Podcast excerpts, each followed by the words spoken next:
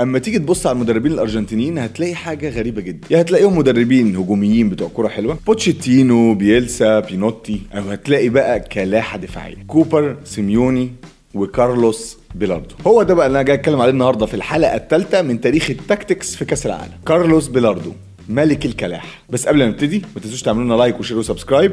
إحنا موجودين على يوتيوب وفيسبوك وتويتر وجميع قنوات البودكاست.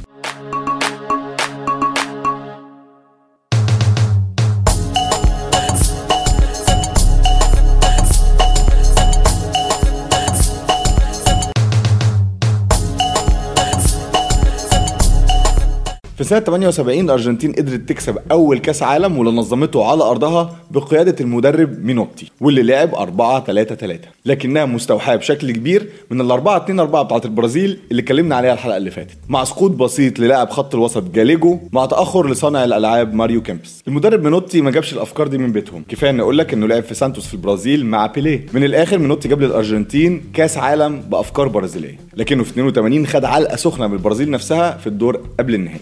3-1 في مباراة اتطرد فيها مارادونا. في مجموعة في قبل النهائي كان فيها البرازيل والأرجنتين وإيطاليا. والمباراة اللي جمعت إيطاليا بالبرازيل واللي أطلق عليها أفضل مباراة في كأس العالم زي ما قال جوناثان ويلسون الصحفي الرياضي البريطاني المشهور. البرازيل وإيطاليا على أرض الملعب لكن برضو كان في فكرتين تكتيكيتين بيتصارعوا. 4 2 2 2 بتاعة البرازيل واللي كانت تطوير لخطة ال 4 2 4 والكاتاناتشو بتاعة إيطاليا. صراع قائم بين الفكرتين من سنة 70 ال 4 2 2 2 كانت مشهورة بما يعرف المربع الذهبي. بيتكون من اثنين لاعبين ديفندرات أقوياء فالكاو وسيريزو وقدامهم صانعين اللعب زيكو وسقراط. المربع اللي كان بيدي البرازيل سيطرة كاملة على الملعب مع تنوع في أسلحتها في ظل وجود لعيبة حريفة. المهم إنزو بيرزوت مدرب إيطاليا لعب قدام البرازيل بالكاتاناتشو وقدر يكسب. على الرغم إن إيطاليا نفسها لعبت نهائي البرازيل وخسرت بالكاتاناتشو سنة 70 مع فيروتشو فالكاريدجي اللي كانت نسخته من الكاتاناتشو واللي معناها الترباس بتعتمد على التحفظ الكبير والتحولات السريعة لكنها فشلت قدام البرازيل. والخساره كانت مؤلمة 4 1 في النهاية. لكن رجعت الكاتاناتشو في ثوبها الجديد مع إنزو بيرزوت في 82 وأضاف بيرزوت حرية أكبر وإبداع أكتر على الكاتاناتشو بتاعت سنة 70 اللي فيها تحفظ بليبرو واثنين مدافعين. و wing backs بمعدل بدني عالي جدا على الخطين لعيب وسط متأخر قدامه اثنين واثنين مهاجمين. system أقرب إلى ال 5 3 2 في الدفاع و3 4 3 في الهجوم. أول اختلاف بين كاتاناتشو بيرزوت في 82 وفالكاريدجي في 70 هو شيريا الليبرو المتحرر اللي بيتقدم من نص الملعب ويبقى صانع لعب متأخر. Mm. مع وجود كولوفاتي وجنتيلي مساكين كلاسيكيين وقدامهم أوريالي defender قوي. ده إدى حرية كبيرة لشيريا في صناعة اللعب. لكن الأهم كان تحرير السجين باولو روسي الخطير جدا على المرمى واللي بيلعب جنبه ألتوبيلي اللي عنده واجبات دفاعية مع وجود خط وسط عالمي زي تارديلي. وباكات شمال ويمين دينامو. كسبت إيطاليا البرازيل 3 2 وقدرت تقفل بشكل كبير على مفاتيح لعب البرازيل. بل وكان ليها شكل مميز في الملعب. بلغتنا كده لعبه كورة. ويبدو إن كارلوس بيلاردو مدرب الأرجنتين في كأس العالم اللي بعده كان قاعد بيتفرج على الماتش ده وعجبته الفكرة. لكن قبل ما نروح لملك الكلاحة بيلاردو خلينا نرجع لأصل الكاتيناتشو زي ما اتكلمنا في الحلقة اللي فاتت فان الكورة بدأت بإن كل الفرق كانت بتحاول تزود عدد المهاجمين. على فرض إن أصل اللعبة إنك تحاول تسجل أكتر من خصمك. بس على الناحية الثانية في ناس ابتدت تفكر.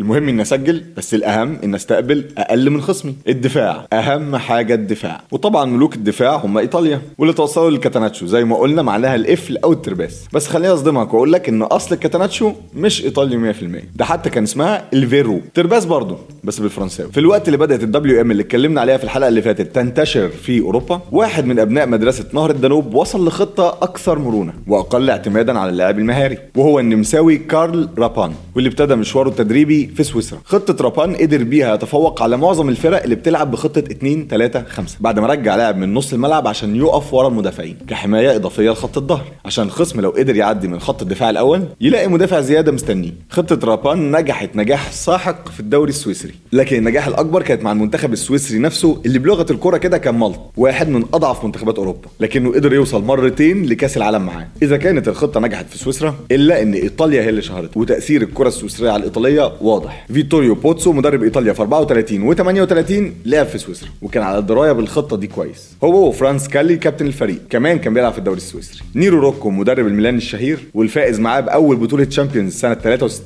استخدم الكاتاناتشو للفوز بالبطولة لكن حقق شهرته في الأساس بعد ما حقق المركز الثاني في الدوري مع فريق تريستينا الصغير جدا. فياني مدرب سالرنيتانا بيقول إنه استوحى الخطة من الصيادين اللي شافهم بيستخدموا شبكة صيد احتياطية عشان يمسك السمك اللي بيهرب من الشبكة الأساسية. من الآخر كاتاناتشو بقى نصير الغلابة فمن خلال التكتيك بس تقدر تتغلب على المهارة والقوة الجسمانية. نيجي هنا بقى لل link الأرجنتيني بالكاتاناتشو الإيطالي. لما هيلينيو هيريرا مدرب الأرجنتيني طبق الخطة دي مع فريق كبير يملك المهارة والقوة والتكتيك. وقدر مع انتر ميلان يفوز بال Champions League موسمين ورا بعض. والترباس ما بقاش بس بيطفش الكورة بقى ليه دور في صناعة اللعب ويزيد لقدام في حالة الاستحواذ. واختلفت مسمياته زي ال sweeper أو الظهير القشاش وفي مسمى آخر الليبارو أو الليبرو أو الظهير الحر. وطبعا الأفكار دي كان ليها التأثير الأكبر لفوز إيطاليا بكأس العالم 82 بيلاردو بقى استنسخ الفكر الإيطالي. وادى أولوية للدفاع على حساب الهجوم. وبيقول في بعض الأحيان إنك لازم تشكل الفريق بسبب لعيب واحد وده مش أي لعيب ده مارادونا. في فكرة أشبه بتحرير روسي في إيطاليا 82 بنى بيلاردو خطته على إعطاء مارادونا حرية كاملة في الملعب ب 3 5 2 صريحة. مارادونا هو البابا. يلعب مهاجم تاني أو صانع لعب أو في العمق أو على الأطراف. لكن في 3 5 2 بيلاردو قدم الباكات أكتر عن إيطاليا عشان يوقف باكات الخصم في منطقة أعلى من الملعب. مع وجود ليبرو على عكس إيطاليا مش creative ولكن عنده خصائص مساك ثلاث لعيبة في النص مع ال full backs ومهاجم بيسقط يدافع. الكل يعمل من أجل عيون مارادونا. المدرسة دي ما بتفكركش بحاجه ما علينا. الراجل طبعا ما كدبش خبر جاب كأس العالم في شوال. خلينا بقى نقف هنا عند قصة ملك الكلاحة. هو الشخص اللي مش كلح في تدريباته بس ده كلح في حياته. بيلاردو بي. بيلاردو كلاعب بدأ في ستوديانتس. أول فريق مش من بيونس آيرس العاصمة يكسب الدوري الأرجنتيني. وبيقول فيرون إن الأسطورة بتقول إن بيلاردو كان بيشيل معاه دبابيس بيشك بيها خصومه في الماتشات. لكن راتن بيقول إن القصة دي مش حقيقية. لكن بيقول راتن إن الكل كان متوقع دايما فصل بايخ من بيلاردو. شده من التيشيرت تظاهر بالإصابة أي رخامة.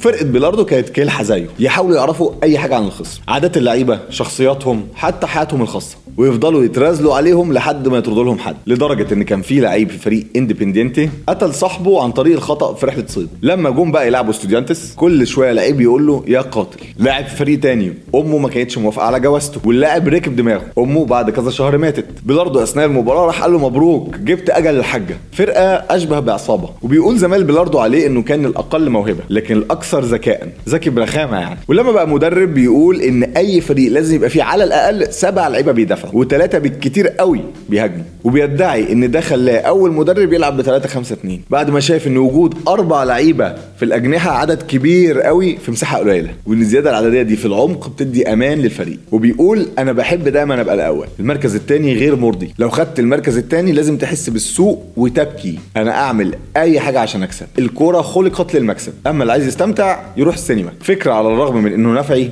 لكنه جاب للأرجنتين البطولة. وكان ليه أثر كبير جدا على الكورة واللي اتجه معظم المدربين بعد كده بسببه للكورة الدفاعية. وده أدى لأكتر كأس عالم ممل في التاريخ وفي أقل معدل أهداف وهو كأس العالم 90 واللي استدعى تدخل عاجل من الفيفا. وأفكار جديدة مضادة لكلاحه بيلاردو هتغير من شكل الكورة. كل ده هنعرفه مع يوسف في الحلقة الجاية. ما تنسوش تعملوا لنا like لو الحلقة عجبتكم شيروا وابعتوها لأصحابكم. إحنا موجودين على يوتيوب وفيسبوك وتويتر وجميع قنوات البودكاست. اشوفكم في حلقة جاية وكورة شراب.